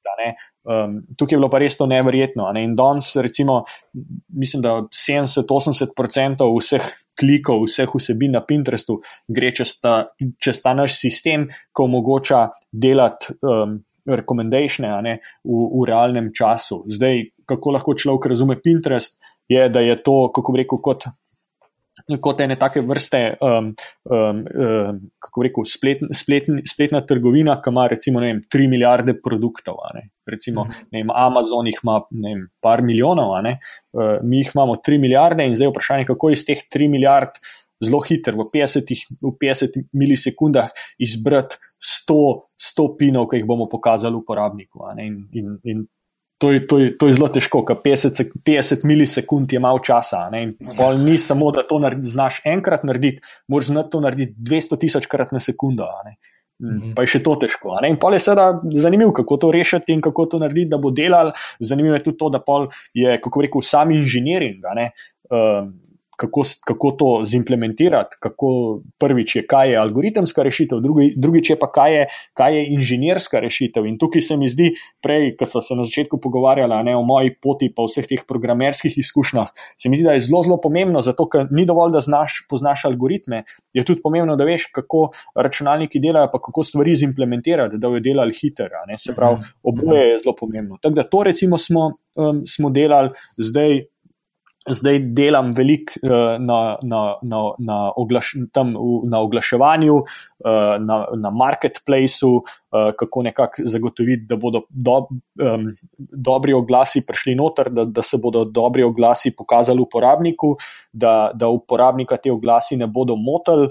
Um, in uh, hkrati, da se bodo tudi ti oglaševalci um, lepo obnašali, pa da ne bodo, recimo, temu spemali. In je mhm. tukaj veliko zanimivih problemov, ne zato, ker v resnici dizajniraš kot en tak, en tak um, kako bi rekel, dizajniraš market, ne, kjer imaš uporabnike in oglaševalce. In vse, kar, kar kot podjetje hočeš narediti, je, da, da skušaš dizajnirati nek prostor, kjer bodo lahko oglaševalci prišli in imeli dostop do tvojih uporabnikov. In zdaj, kar hočeš, na, način, na katerega tukaj delamo, je, da rečemo, da da skušam, skušamo nekako maksimizirati celoten, uh, ne vem, utility, bi temu američani rekli, ne vem, kako bi to po slovenski prevedli, se pravi, neko celotno um, uh, vrednost ne, in te, tega, kar uporabniki dobijo, in tega, kar um, oglaševalci dobijo. Ne. Zdaj, uporabnikova vrednost je to, da, da dobi vsebine, ki jih hoče in, in, je, in, in ima dobro uporabniško izkušnjo. Um, oglaševalčeva vrednost je to, da, da zdaj lahko tem uporabnikom um, kaže uh, oglase, in naš cilj je pa nekako te dve vrednosti balansirati, zato ker če bomo dali oglaševalcem preveč vrednosti, potem bomo, kako bi rekel, uporab, bodo uporabniki um, nasrkali, da tako rečemo, ne bili na mhm. slabšem, in seveda, če bomo dali uporabnikom preveč vrednosti, bodo potem oglaševalci na, eh, na slabšem. In, in v mhm. resnici je treba nekako narediti sistem, ki bo nekako te dve stvari pravilno balansiral, zato da na dolgi rok bo nekako, um, bodo stvari lepo, lepo šle. To je drugo. Zdaj, zadnja stvar, ki jo pa veliko delamo, je pa na področju računalniškega vida, pa res iti um, v te pine te slike in jih dobro uh, razumeti, kaj so objekti, ki so na njih, zato uh, da bomo lahko uh, potem produkte tudi uh, priporočali, nekako omogočali to, da bodo ljudje stvari, ki jih vidijo na Pinterestu, lahko tudi kupovali. Mm -hmm. In praviš, da za to v veliki večini upravljajo kar umetno inteligenco? Ne? Ja, vse. Okay. No, ker to je tudi ena izmed tem, katero bi se zelo, zelo rad dotaknil. In sicer malo bolj na široko, torej, če zdaj pomislim mimo Pinteresta, me zanima tvoje mnenje glede um, torej umetne inteligence oziroma AI-ja. Pred, pred časom sem bral to knjigo od uh, Kevina Kellyja, bomo menjal Inevitable, ne? torej neizogibno, kjer opisuje 12 tehnoloških trendov, ki bodo spremenili naše življenje. In seveda, en izmed teh trendov je ravno um, AI oziroma on ga pomenuje kognifikacija. In spomnim se enega citata, ki mi je bil um, še posebej zanimiv, oziroma mi je postal še posebej v spominu, in to je, um, zdaj vam slovensko, seveda, povedal, pravi, poslovni načrt za naslednjih 10.000 startupov je: vzemi X in dodaj AI, oziroma umetno inteligenco. Zdaj, če začnemo tako na široko to temo, kako bi ti komentiral ta citat? Ha, ja, eh, eh, kako bi rekel, eh, to je lahko reči, je pa zelo težko, zelo težko narediti. Ne? Zdi se mi, da sta dva vidika. Zdaj, danes temu mi rečemo umetna inteligenca, eh, pol leta nazaj smo temu rekli machine learning, en let mhm. nazaj smo pa temu rekli eh, vem, data analytics. Um, zdi se mi pa, pa naslednje, ne? da nekako sta dva vidika, kjer recimo lahko te metode ki bi jim lahko, ne vem, recimo, mogoče dober način, ki bi jim lahko rekel, je pattern matching. Se pravi, te, te metode delajo na koncu, samo en zelo dober pattern matching, da zelo dobro nekako me, um, mečajo vzorce um, med.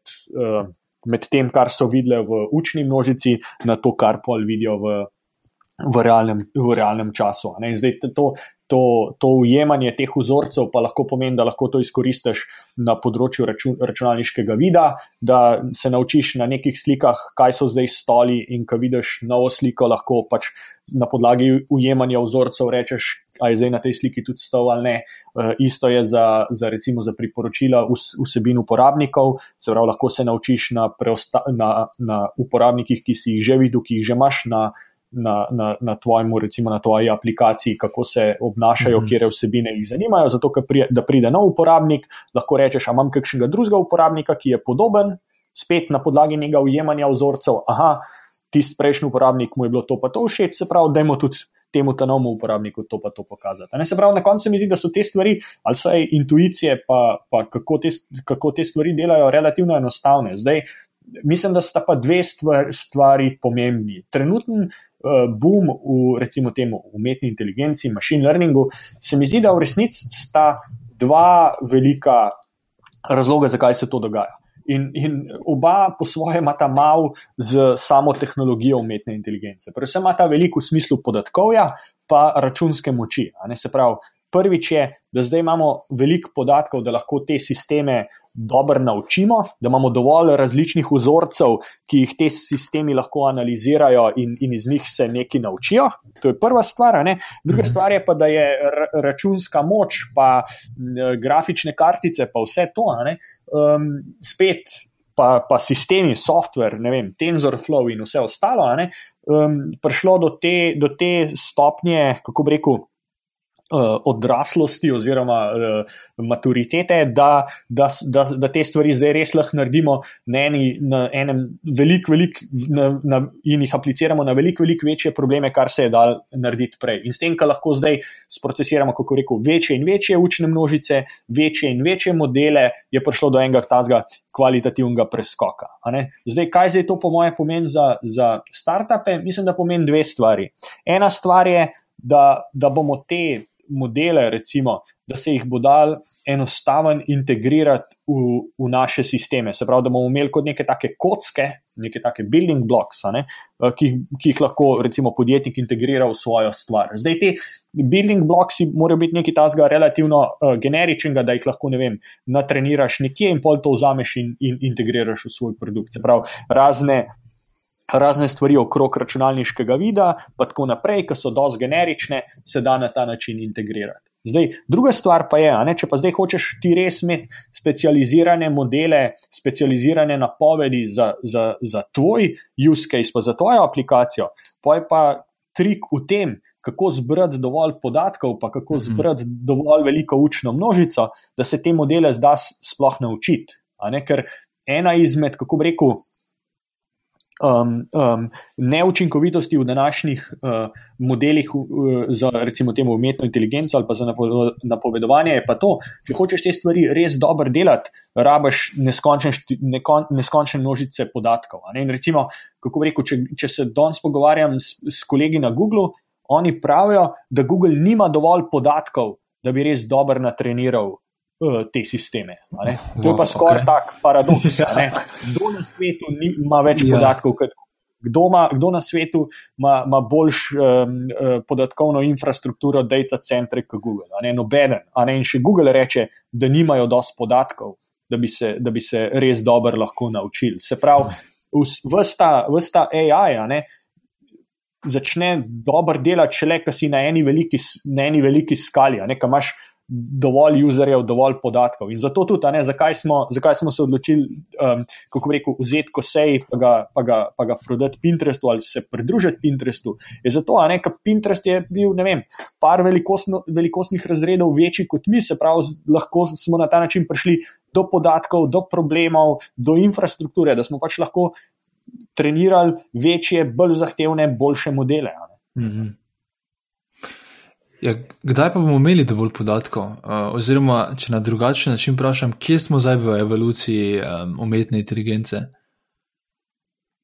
Um, jaz mislim, da, da smo, kako bi rekel, da, da, da stvar postaja, uh, postaja uh, realnost in da se, in da se, in se, da se učimo um, raznih, raznih uh, metod in pristopov, kako pač recimo te probleme skušati zaobiti. Um, jaz mislim, da.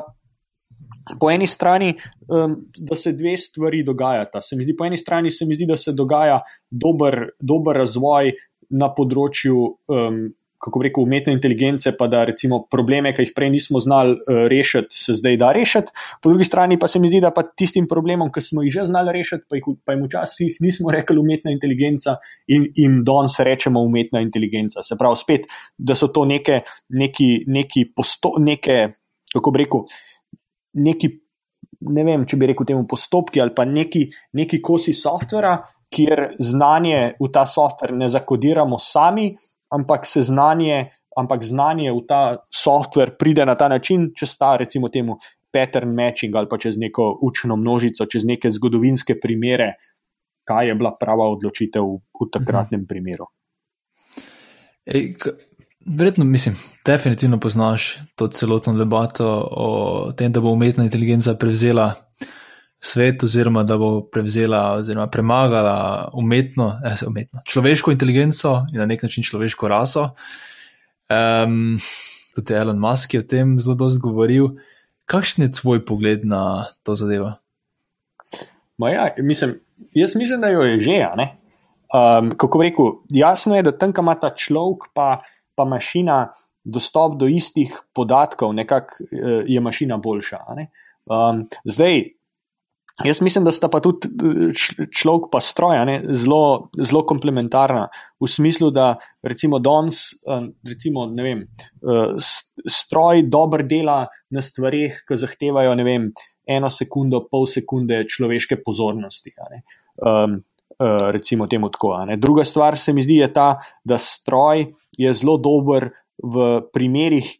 V dveh primerih se mi zdi. V enem primeru, kjer je stroj dober, je tam, kjer je, je treba narediti, recimo, temu odločitev, kjer je zelo, zelo malo mehkih faktorjev, kjer vsak od teh mehkih faktorjev lahko čist malo vpliva, na, da, se, da se pride na koncu do neke odločitve. Tukaj se mi mhm. zdi, da so recimo računalniški modeli pomagajo.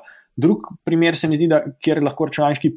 Problemi pomagajo, je pa spet, recimo, pri človeških, recimo, temu odločitvah, kjer en človek lahko na, kako rekel, teku svojega življenja naštudira relativno omejeno število, a ne se lahko nauči iz relativno omejenega števila primerov. Uh -huh. In se mi zdi, recimo, da taki primeri so recimo pri um, pr raznih primerih odločanja, ali ne vem, ali so to zdaj vem, sodniki v, v, v pravosodju, ali so to zdaj recimo temu zdravniki, ki hočejo neko, neko sliko diagnosticirati. Um, take, a ne kjer je input, je, je popolnoma jasen, je tista slika. Tukaj mislim, da, so, da bodo računalniki nam zelo, zelo pomagali. Jaz mislim, da, da tukaj pa ne bi zdaj rekel, da je, da je tukaj zdaj človek proti stroju, ampak da, da gre predvsem v smislu ene take. Um, Um, nekega tazga sodelovanja, pa ene take komplementarnosti, pa, pa, pa, eh, pa iskanja priložnosti, kjer lahko, človek, kjer lahko stroj nekako olajša človeku, naredi človeka, kako bi rekel, eh, bolj učinkovitega, naredi človeka eh, po en stran, en stran boljšega. In mislim, da tehnologija pa vse gre, gre, gre v to smer. Jaz mislim, da smo pa še zelo, zelo daleč, da bi zdaj rekli, da, da smo res prišli do neke, do neke, um, do neke resne inteligence, pa do nekega resen, resnega sklepanja, pa kaj tazga. Jaz bi rekel, rekel, da danes je ta umetna inteligenca bolj na nivoju enega, enega pattern matchinga. Mhm. -huh.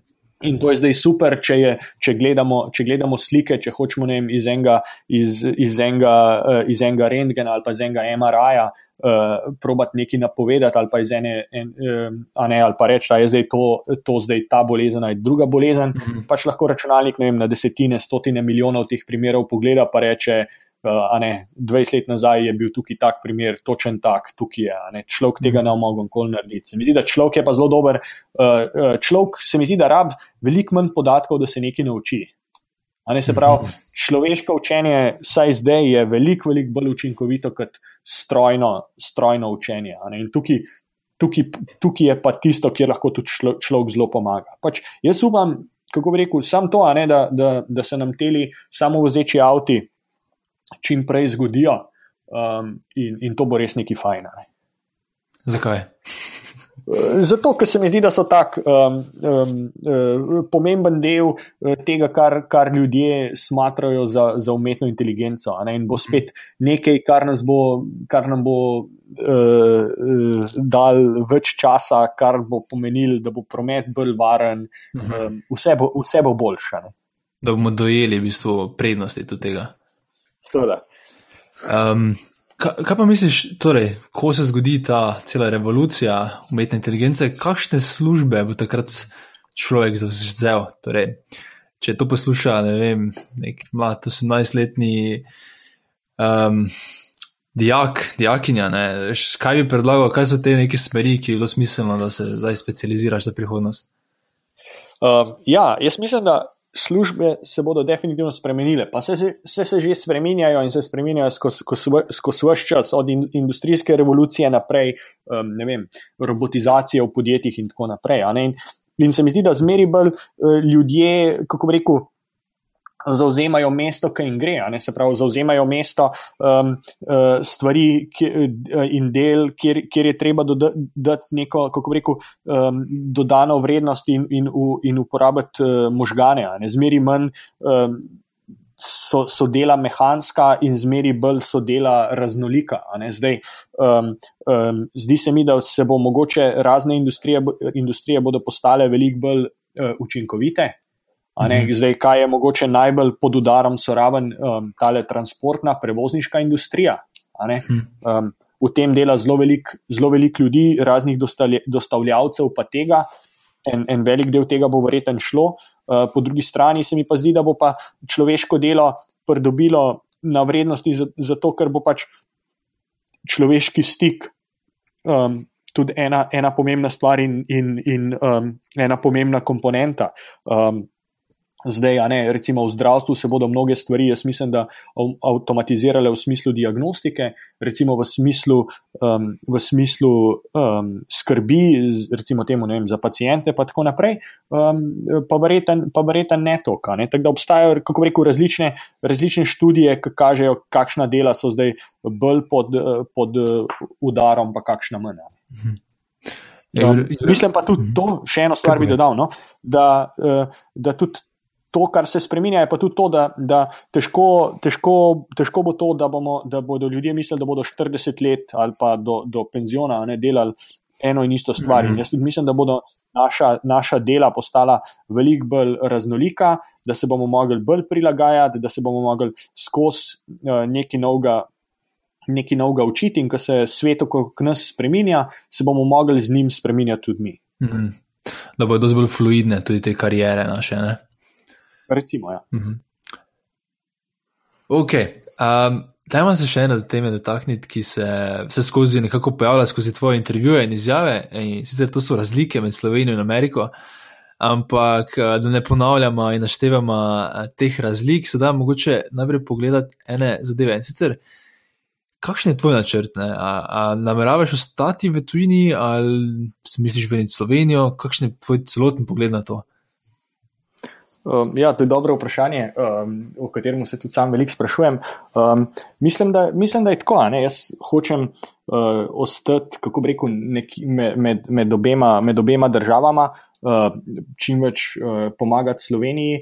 Um, in mislim, da trenutno lahko, lahko pač veliko pomagam s tem, s tem da, sem tukaj, da sem tukaj na Stanfordu, hkrati pa se uh, zelo veliko uh, vračati in, in imeti tudi trdno bazo v Sloveniji. Zdaj, ena stvar, ki bi jo omenil, je je to, da, uh, ta, zato, da bi skušali pomagati večati sodelovanje, med, pa nekako odpirati Slovenijo, dajati ljudem priložnosti, ki, se zaslu, ki si jih zaslužijo, smo tukaj Slovenci v Združenih državah ustanovili um, Ameriško-slovensko izobraževalno fundacijo, ki omogoča um, mladim fantom in dekletom, da, da gredo v Združene države uh, čez poletje.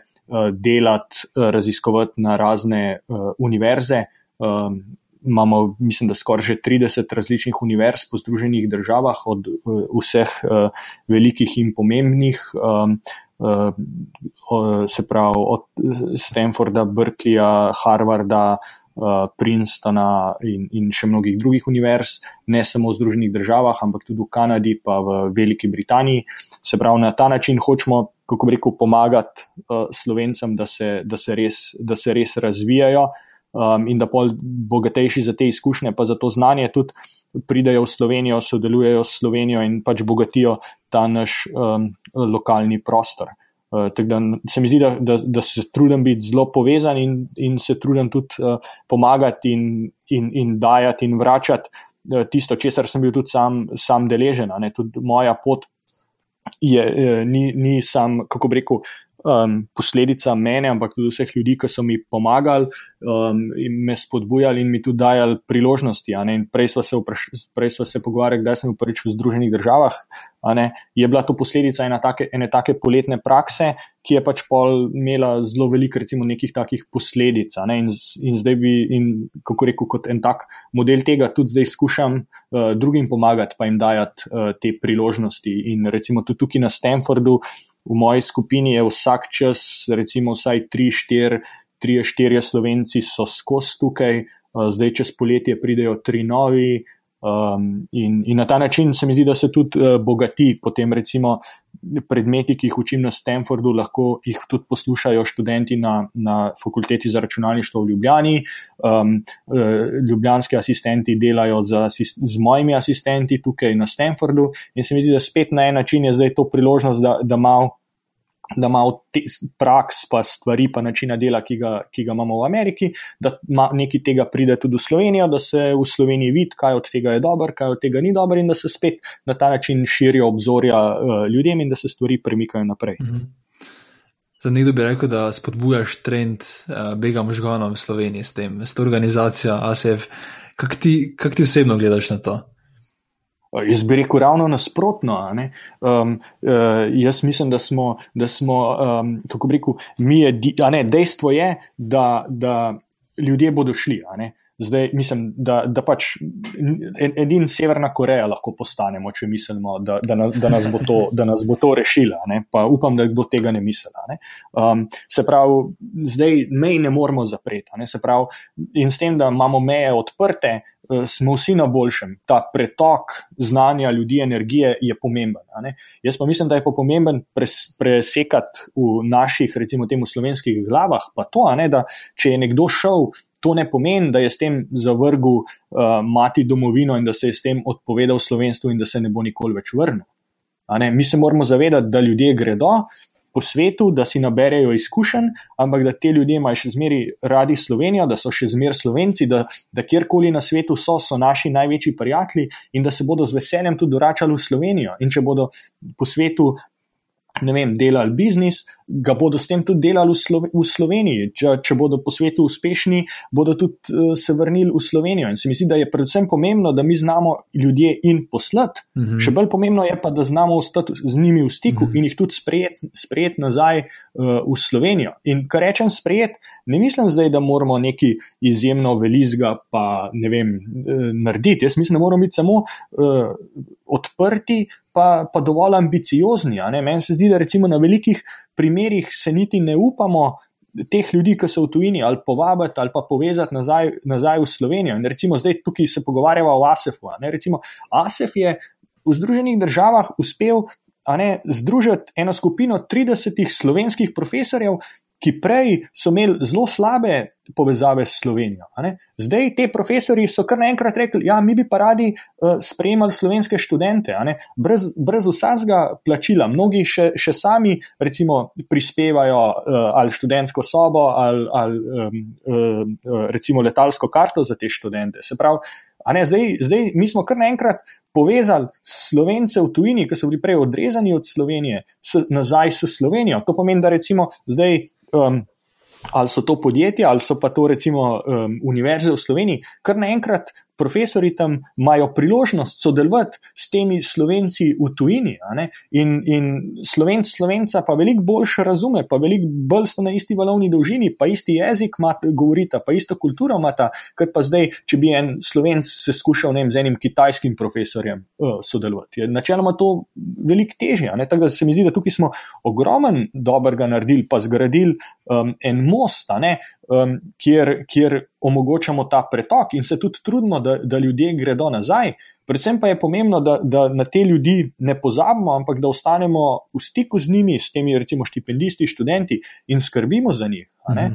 Um, Meni se zdi to zelo pomembno, ker recimo vse v Sloveniji imamo veliko um, štipendijskih programov, ampak hkrati, hkrati se mi zdi, da Um, te štipendijski programi so predvsem taki, da pač ljudem omogočajo, da gredo ven, ja. pol pa zaradi varnosti osebnih podatkov in ne vem še česa tega, um, nobenemu nočemo povedati, kdo so ti ljudje, ki smo jih poslali ven. Se pravi, naše najboljše sponzoriramo, da gredo v tujino, hkrati pa poskrbimo, da noben ne ve, da so šli, pa, pa da izgubimo stik z, njima, z njimi. Zato recimo, so zdaj v zadnjem času um, recimo, naredilo društvo Vtis, se pravi, tujini izobraženih slovencev, ki super deluje, ki združuje več kot tisoč slovencev, ki so ali študirajo ali so študirali v tujini, zdaj te ljudje se hočejo vračati nazaj. Recimo uh, podjetje Lek. Je, je, je zdaj doumelo, da te ljudje, ki pridejo iz tujine, imajo ena drugačna, nova, super znanja, in in, in samo čakajo, kje bodo lahko koga, koga dobili. Jaz mislim, da bodo zdaj tudi druga podjetja kmalo ugotovila, da izkušnja tujine ni minus, ampak je plus. In, in na ta način se mi zdi, da bo, da, da bo, da bo to pomagalo um, Sloveniji, pa da bo manj zaprta, pa manj ena taka dolina še Florijanska. Mm -hmm. Sicer ste te malo provokativno vprašali, ampak se čist strinjam s tabo. No? Tudi sam zdaj živim v tujini že 4-5 let. In tu čutim, um, da se tukaj učim, lepo razvijam, ampak tudi imam nekega dne željo se vrniti, mogoče domov, ampak tudi v tem času, zdaj, ko sem tu, ne, tudi s snemanjem tega podcasta, načeloma želim nekako ostati v stiku z slovensko um, podjetniško sceno in nasplošno z Slovenijo. In se mi zdi, da je to pač v naši generaciji. Enostavno je ta neka želja, da se gre ven, se nauči, ampak se potem tudi vrne um, in se nekaj vrne nazaj um, sami državi. Ne. Ja, skupnosti, ki nam je, a ne, ker smo zrastali v Sloveniji, smo se vsega naučili, kar znamo, delovnih navad smo se naučili, vse to imamo in imamo tudi, kako rekel, in prijatelje, in družino, in, in dobre, vesele ljudi. Jaz mislim, da je super, da, da, si, da, si, tukaj, da si tukaj pomagamo, in, in se mi zdi tudi pom, zelo pomembno, da, da, se, da, se to, da se to dogaja, da se to razvija. Zdi se mi pomembno, da se vsak posameznik odloči da bo pomagal in v svojih možnostih to, to naredi in to pomaga. Se pravi, da ne čakamo samo na, na, na državo kot na, kot na nek ne vem, subjekt, ki bo zdaj poskrbel za vse nas, ampak se pač zavedamo, da smo mi država in da, da z vsako akcijo, pa za vsako inicijativo, ki jo imamo, pač spremenjamo to. Uh -huh, uh -huh. Mislim, da je to zelo lep um, trenutek, da tudi počasi končamo s tem pogovorom. Um, mogoče kot zadnje vprašanje, ki se malo navezuje na to, je, um, kakšen nasvet bi dal ti, mogoče sam sebi pri 20 letih um, in zakaj? Ali pa če želiš, lahko tudi uh, kakšen svet bi dal mogoče 20-letnikom, 18-letnikom, mladim, na splošno v Sloveniji. Ne, ne, ne, um, ja, ne vem, kaj bi rekel. Um, ena stvar, ki se mi zdi, je, prej so se pogovarjali o tistih deset tisočih urah, ne, se pravi, pač trud, pa delo se mi zdi, da je zelo pomembno. Um, skromnost se mi zdi, da je, da je zelo pomembna, pa tudi se mi zdi, da je tudi pogum zelo pomemben. Um, in se mi zdi, da, da ta, kako rekel, to balansiranje med pogumom in samozavestjo, pa hkrati um, skromnostjo, ne, da se človek zave, in, in, in svojih zmožnosti in, in vsega neverjetnega, česar je sposoben. Hkrati pa, hkrat pa se zaveda tudi svojih šibkosti, pa svoje mehnosti. Pa med tema dvema, kako rekel, poloma zna um, uh, nekako dobro se obojga hkrati hkrat zaveda in je raven nekje prav vmes, kjer če preveč, uh, preveč poguma, pa preveč samozavesti ni v redu, če ga je premalo, pa tudi ne jaz mislim, da je to nekaj, nekaj um, super. Tako je, Jure, res najlepša ti hvala za ta res zanimiv pogovor, za tvoj čas in za te iskrene zgodbice, zanimive primere in vse znanje, ki si ga delil danes z nami. Ja, ja, hvala lepa. Tako, to je vse v današnjem podkastu. Radi se pa še zahvalil medijskemu partnerju tega pogovora z Juretom in sicer um, to je portal siol.net ki je delil ta celoten pogovor tudi na svoji spletni strani, tako da ga lahko najdete tudi na siol.net. Če ti podcast za kulise všeč, te vabim, da se prijaviš na mailing listu na zakulisi.com, da boš obveščen ob objavi naslednje epizode. A ja, pa hvala vsem, ki ste oddali ocene in komentarje na iTunesu. Za tiste, ki pa še tega niste naredili, vas vabim, da mi tako pomagate razširiti besedo o tem projektu saj z vsako ceno in komentarjem iTunes boljše nagira podcast in ga potem lahko odkriješ več ljudi. Projekt lahko tudi finančno podprete. Trenutno sem ravno v procesu nakupa boljše audio opreme, da lahko zagotovim še boljši zvok in s tem izkušnjo za vas, poslušalce. Ta oprema ni poceni, tako da vsaka pomoč prav pride. Da to storite, torej da me podprete, lahko greste na paypal.me pošiljnica naprej za kulisje, torej paypal.me, pošiljnica za kulisje. Hvala še enkrat in se slišimo v kratkem.